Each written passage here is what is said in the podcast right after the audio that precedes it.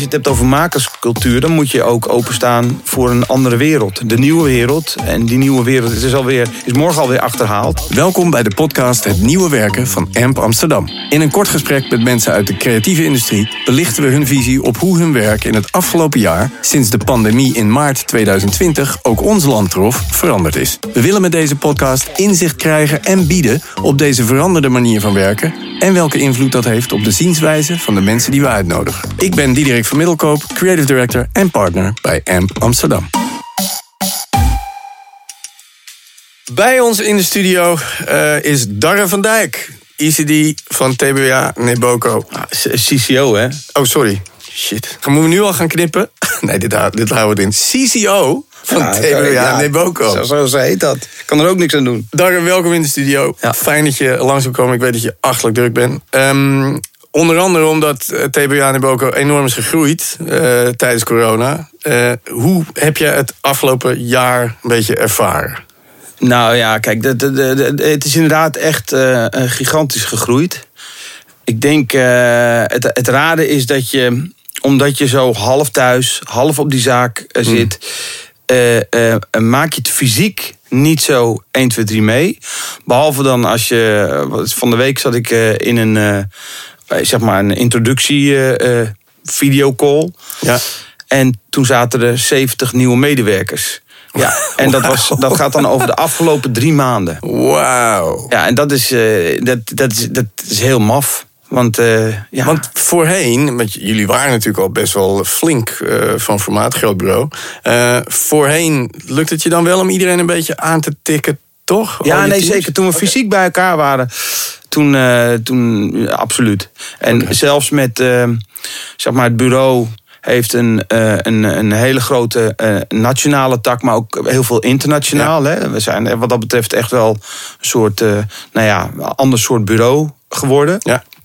Dan zeg maar het vroegere Neboco. En, um, maar uh, voor mij was het wel echt. Uh, ik ben met al die mensen echt bezig. Wow. En dan echt op allerlei andere manieren. En uh, er zitten allemaal hele goede CD's onder. Die dan echt die merken ook client-facing zijn. Maar in veel gevallen ben ik ook gewoon nog met die klanten in de weer. Maar dat was dus een enorm verschil met dat je nu die mensen niet fysiek kon. Uh... Nou, dat, dat mis ik heel erg. Ja, ik merk ook wel dat dat is ook een beetje de uitdaging van hoe. Kijk, je hebt het altijd over uh, uh, cultuur binnen een bureau. Ja. Maar cultuur maak je niet via video, videoschermen natuurlijk. Nee. En dan doe je van alles aan om er leuke sessies van te maken. Weet ik veel, van de yoga's tot de noem maar op. of virtuele borrels, dat zullen andere bureaus ook allemaal doen. Maar het is natuurlijk eigenlijk niet heel erg leuk. Nee. Dus uh, um, wij hebben wel een beetje een, uh, een soort policy dat, um, dat er uh, nog steeds heel veel mensen wel naar de zaak kunnen. Maar goed, we houden wel rekening met, met de regering. En, dus we, we gaan niet voluit terug naar die zaak. Maar ik heb ook wel jonge creatieven gehad die mij vroegen van... Uh, daarom mag ik alsjeblieft naar de zaak. Ja. Want uh, zo groot woon ik niet en ik word gek van mijn vriendin. Ja, bij wijze van spreken. Ja, ja. Um, en op dat moment zeg ik, nou ja, dat is goed natuurlijk. Ga naar de zaak. Hou gewoon rekening met alles. En, uh, ja, we zijn natuurlijk ook september en het ja, gaat de goede kant op. Ja. In een Advo-interview van 2018 zei je over TBA dat het een echte uh, makerscultuur heeft. Ja. Uh, waaraan merk je dat en, en hoe cultiveer je dat? Nou, ik denk um, uh, het bureau heeft een, een ander soort, al heel in een vroeg stadium, een ander soort productie-unit. Mm -hmm. Dus je hebt, vroeger had je de RTV-unit. Nou, dat, dat, dat heeft TBA en Boko ook. Alleen dat uh, noemden we Filiboco. Ja. En daar zat al veel meer een productiementaliteit in om ook zelf te produceren. Ja. Uh, en dat, uh, dat zijn we vroeg gestart. Dat is echt, ik denk, ja, heel eerlijk, ik denk al zes, zeven jaar geleden. Mm -hmm. um, en die, uh, die club is ook heel groot geworden. Dat, daar zitten ook, nou ja, ik denk 22 mensen of zo. Um, en daarmee heb je automatisch die makerscultuur. Als je zelf uh, bereid bent om ook uh, dingen te produceren en niet in de ouderwetse manier, uh, we bellen eventjes met de productiemaatschappijen. Precies, ja. Maar we gaan ook veel meer in die stand van zelf produceren. daarnaast zijn wij ook, um, hebben wij ook YouTubers in dienst, bijvoorbeeld. Cool. dat, is, dat is nieuw.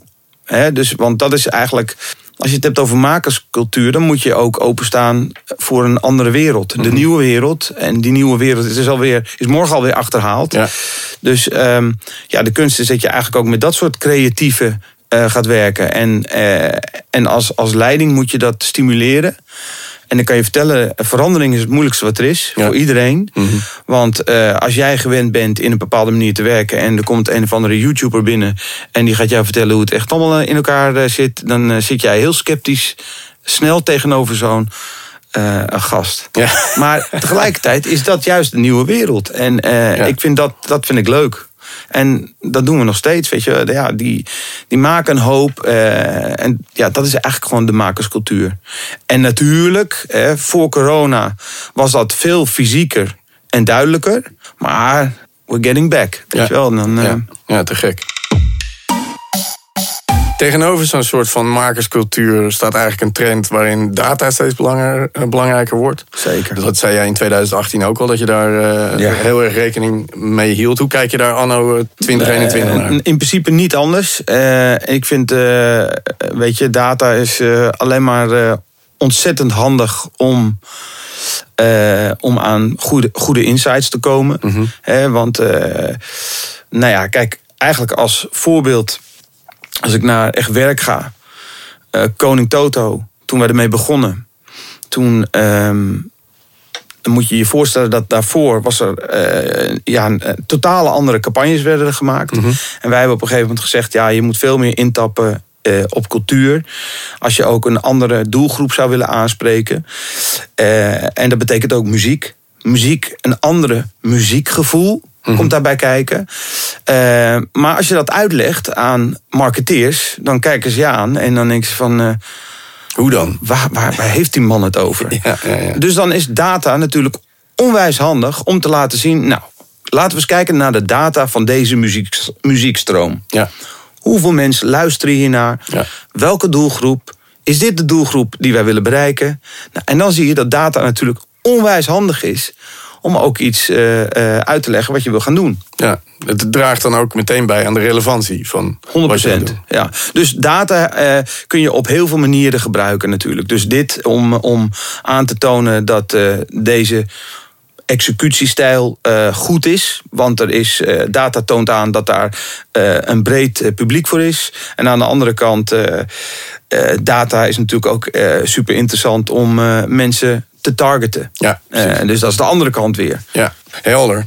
Eh, nou ben je CCO, ik zeg het nu goed, van een heel groot team. Eh, dan kan ik me voorstellen, omdat je ja, dat allemaal moet runnen... dat het heel lastig is om zelf ook nog allemaal trends in de gaten te moeten houden... en helemaal vooraan op de golf te zitten met je eigen hoofd, zeg maar. Je, een mens kan maar zoveel doen in een Ja. dag. Hoe, hoe deal je daarmee? Ja, nou, dat, is, eh, dat is mijn grootste uitdaging. En ook omdat eh, ehm, ik, ik ben ook heel goed met, met, zeg maar, eh, eh, ja, met, de- met de mensen aan de klantzijde waar ik mee werk. Dat, dat vind ik ontzettend leuk. Om daar juist met hun veel over te praten. En hoe kunnen we het beter krijgen. Dus ik heb ook eh, eh, ja, altijd een kort lijntje met, de- met de CMO's. Eh, en dat betekent ook dat zij ook verwachten dat ik eh, betrokken ben. Ja. En dat doe ik ook. En, maar goed, eh, precies wat je zegt. Een week heeft zeven dagen. En, eh, en je hebt natuurlijk ook gewoon je gezin. En je hebt zoveel dingen waar je zeg maar, aandacht aan moet geven. Ja.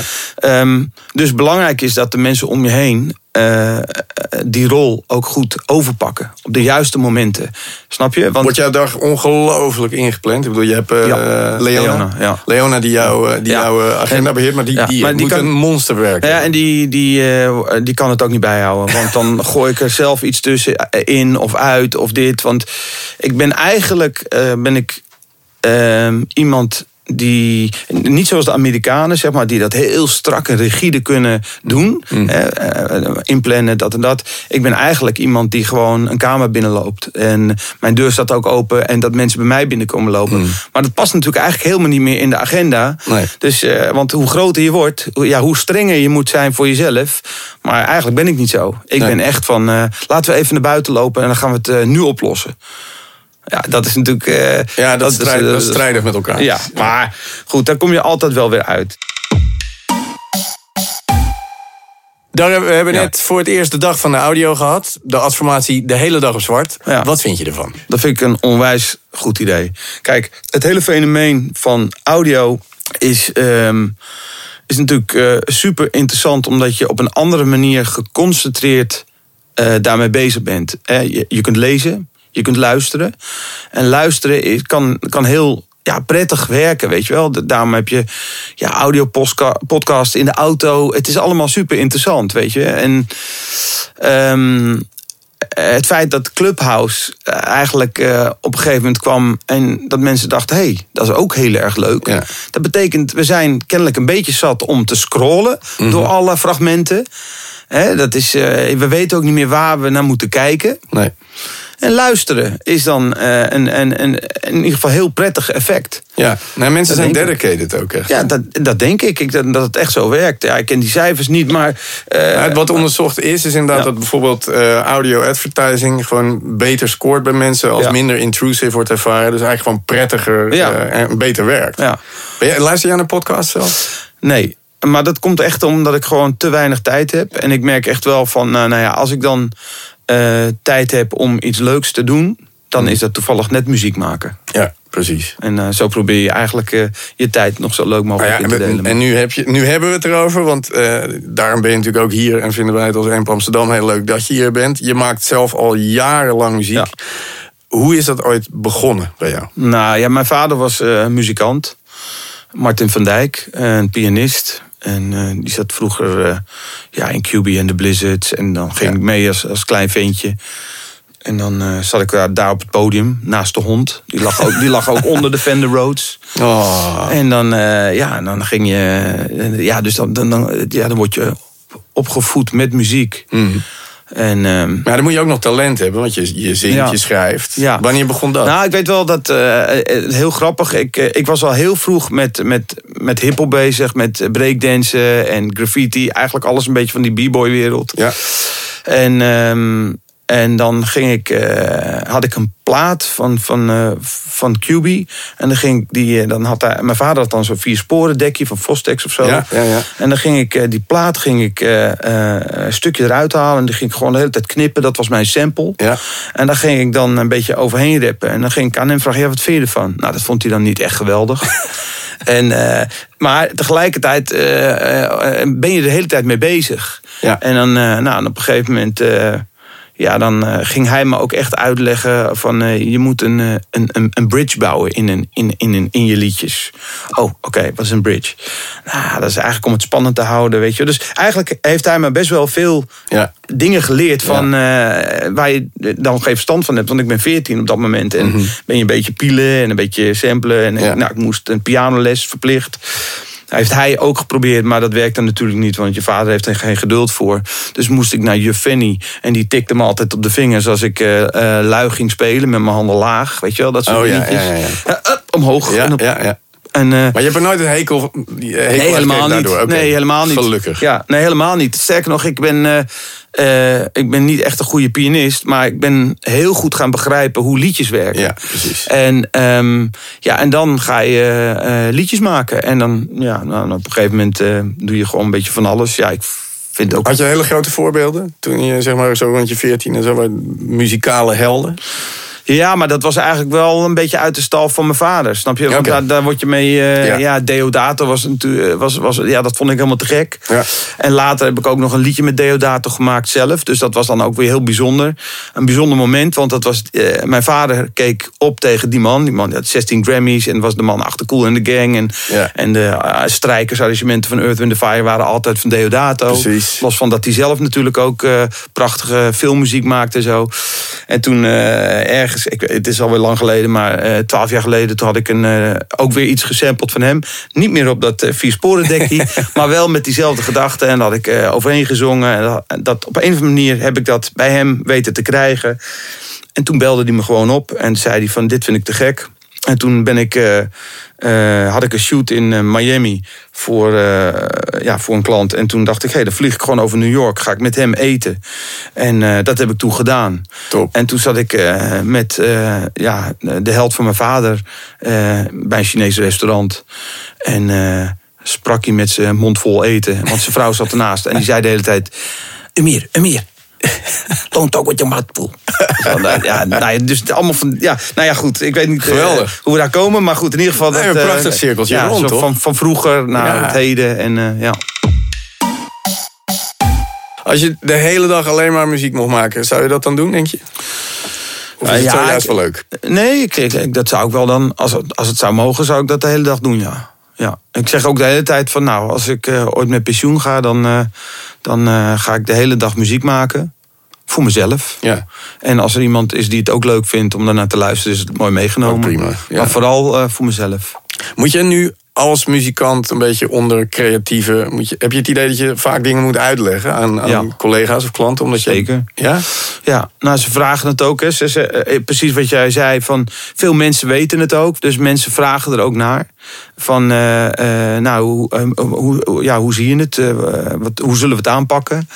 En ik heb daar ook wel echt wel een eh, filosofie over. Ik, ehm, dat heb ik ook wel eens eerder gezegd eh, in een interview. Dat muziek is vaak het sluitpost. En dat is de verkeerde benadering. Ja. Ehm, en ik merk dat ehm, vaak ook bij, eh, ja, bij als, als jongere creatieven te werk gaan, dan zeg ik van nou, en het is vrij muzikale film. Dan zeg ik, je moet die muziek eh, naar voren halen. Ja. Want dat, dat helpt je straks bij de edit. Want anders ga je onwijs lopen eh, knutselen achteraf. En dat, ga je, ja, dat is alleen maar ingewikkelder. Ja. Weet je, dus ehm, nou ja, dat, zijn, dat zijn wel dingen die, die, die, eh, die leg ik er dan in. ja. Dus dat, en tot, en tot, tot aan vandaag, hè, dat, ik kom dat gewoon dagelijks tegen. Laten we even een heel mooi project, een muzikaal project pakken. Eh, T-Mobile, The Unlimited. eh, met Typhoon hè? en eh, Guido's Orchestra. Fantastisch gedaan. Kun je een beetje zeg, iets vertellen over hoe zo'n proces dan, dan gaat? Ja, nou dan, dan word ik wel echt zo'n beetje een knutselaar zelf. Want dan, ik heb thuis een, een klein studiootje. Gewoon, je hebt natuurlijk ook niet heel veel nodig. Het is, ik denk zo groot als dit, waar wij nu zitten. En dan, eh, het enige is dat het onwijs warm is. Want ik heb het dan zo geïsoleerd, heb ik zelf gedaan natuurlijk, als een, eh, als een hobby... eh, eh, Hobbykunstenaar. ja, hobbykunstenaar maak je dat dan. Maar ja, al die buizencompressors die eh, geven zoveel warmte. En er kan natuurlijk helemaal niks weg. Kan helemaal niks weg. Dus eigenlijk moet ik daar gewoon in mijn blootje zitten. Maar ja, Studio, dat- dat- annex, sauna. Ja, het gaat natuurlijk helemaal nergens over. En dan, nou, dan ga ik me af en toe even naar buiten. En dan, nou, en dan, komt mijn vriendin even luisteren. Nou, hier ga ik niet naar binnen. Nee, nee, dat snap ik. Oké. Nou ja, maar even kijken. Maar even over T-Mo- T-Mobile. Ja, Ja. dat was heel mooi. Want het was een, eh, dat kwam voort uit een pitchproces. Een lange pitch. En dat ging over de, alle drie de telco's. Dus het was ook ja, een grote pitch. En dan heb ik het over T-Mobile, Tele2 en Ben. Ehm, eh, en wij eh, hebben T-Mobile gepakt in die pitch als voorbeeld, omdat wij vonden dat ja, daar, daar, viel, daar viel veel nog te winnen voor dat merk. Want eh, het merk was wel, had wel een signatuur met, met de kleur en, en tudeludeludu, Ja, weet je wel. Maar voor de rest was het niet echt heel erg eh, aanwezig qua, qua communicatie. En, ehm, en dat was voor ons wel een kans om, om daar anders mee om te gaan. Dus we hebben op een gegeven moment gezegd van... nou ja, jullie zijn de ontwikkelaar van Unlimited Data. Daar zijn ze groot mee geworden. En toen hebben we gezegd, laten we het omdraaien. Laten we het niet over data hebben, maar over mensen. Eh, daar begon het dan mee. Dus, eh, eh, want nou, als je het hebt over mensen met een unlimited mindset... dat is veel leuker. Yep. En dan heb je data om jou daar eventueel mee te helpen. Ja, dus, we, dus we hebben het eigenlijk omgedraaid. Dat was, dat was in ieder geval onze, onze pitchgedachte. Eh, en toen dan ga je nadenken, oké, nou natuurlijk, dat moet je dan weer uitleggen. Hoe leg je dat uit? Nou, dan kom je automatisch natuurlijk in de wereld van een manifest. Want ja, je zult het toch moeten uitleggen. ja. Nou, eh, dat kun je heel traditioneel doen met gewoon een mooi voice-over en heel mooi gefilmd. En dan heb je een mooi manifest, vind je het film. Maak je ook mooie muziek onder. Maar wij zeiden van, nee, ja, mm, maar zullen we het, we kunnen het ook eh, meer poëtisch vertellen. En dan zoeken we daar gewoon een goede poëtische Een hedendaagse verteller. poëet bij. Ja. Ja. Eh, nou, dat eh, werd al heel snel in onze pitch. Ja, dat moet, eh, dat moet Glenn doen. En uh, ja, die, ik weet niet of hij wil, want hij is nogal erg authentiek. Hè? En het is niet een jongen die je zomaar eventjes krijgt voor advertising. Nee, die credibility check, nee. die moet kloppen. Ja, ja. Dus, maar ik had, ehm, ik had een demo helemaal in elkaar gezet. Ik ben die studio ingegaan, echt onwijs lopen knutselen met nou, met, dat, uh, met, met samples. En zwetend ik, ik heb het zelf, zelf helemaal ingezongen. Inderdaad, uh, uh, zwetend in mijn onderbroek in dat studiootje. En, uh, uh, en op een gegeven moment hadden we het, en dat hebben wij gepresenteerd met beelden. En het is zo mooi, want uh, Typhoon heeft dat zelf nog nooit gezien van tevoren. En wij zitten al helemaal te vertellen, en dit wordt Typhoon en dit en dat. Wow. En, en dan, dan moet je je voorstellen, oh ja, maar we moeten hem nog wel checken of hij ja, wil. Tikkeltje ja. risico daar. Ja, ja. En, maar ja, zij voelden het. En toen heb ik hem gebeld heb ik het hem helemaal uitgelegd. Ik heb het hem laten horen, laten zien. Ik heb ook echt gezegd wat we gaan doen. En dat we het opnieuw gaan opnemen met, uh, met orkest. Dat het echt wel, ja, wel echt serieus klasse, klasse ja. wordt gedaan. Uh, en... Um, uh, en hij vond dat te gek.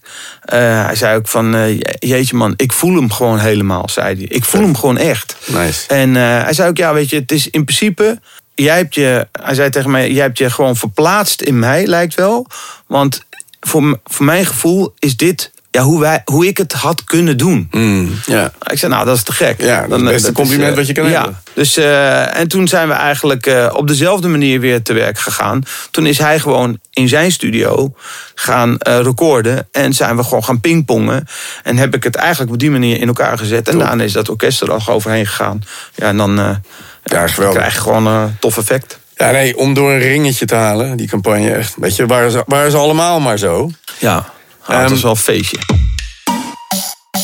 Nou ja, oké. Okay, dan uh, uh, je budget is ongelimiteerd. Uh, alles mag, alles kan. Wat is dan, wat jou betreft, wat zou je als, als ultieme campagne nog eens een keer willen doen? Of als, als alles mocht en alles kon. Als alles mocht. Nou ja, kijk, weet je, um, wij, kijk, wij werken voor, voor Adidas. Dat is een hele toffe klant. Uh, en Adidas heeft ook uh, originals. Ja. Uh, daar gaan we nu voor werken. Dat is heel tof. we gaan originals female doen. Dus dat, dat, dat, ja, dat komt eigenlijk van Johannes Leonardo uit New York ja. naar ons toe. Precies. Dat is, nou, dat is voor ons echt wel heel gaaf. Um, en daar voel je natuurlijk onwijs veel potentie. En ik vind originals onwijs gaaf. Ja. En misschien heeft dat wel weer terug naar waar ik vandaan kom. Precies. Als klein jongetje. Ik was breakdancer. Ik was uh, met graffiti bezig. En ik liep in een Adidas uh, outfitje. Ja. Adidas schoenen. Run DMC. Uh, Run DMC. Ik ben daar overal, met al die concerten natuurlijk altijd geweest. Ja. En daarom ergens zou voor mij wel op een gegeven moment de droom zijn. Nou, dan wil ik wel daar ooit iets mee doen met muziek, film. Uh, je hebt beschikking tot heel veel ja. uh, uh, artiesten die ook verbonden zijn aan Adidas. Zeker. Beyoncé, Snoop Dogg, Kanye West, Pharrell. ja, om er maar even een paar kleintjes te noemen. Ja, ja. En, die, die, en, en je, daar kan je dan mee werken. Ja. Ik hoop dat dat uh, gaat gebeuren een keertje. Ik hoop het met je mee, man. Ja. Uh, super gaaf dat je eventjes bij ons wilde komen. Ja. Uh, ondanks alle drukte. Graag gedaan. Dank voor dit gesprek en ik zie je snel. Super. Dankjewel voor het luisteren naar de podcast Het Nieuwe Werken van AMP Amsterdam. Graag tot de volgende.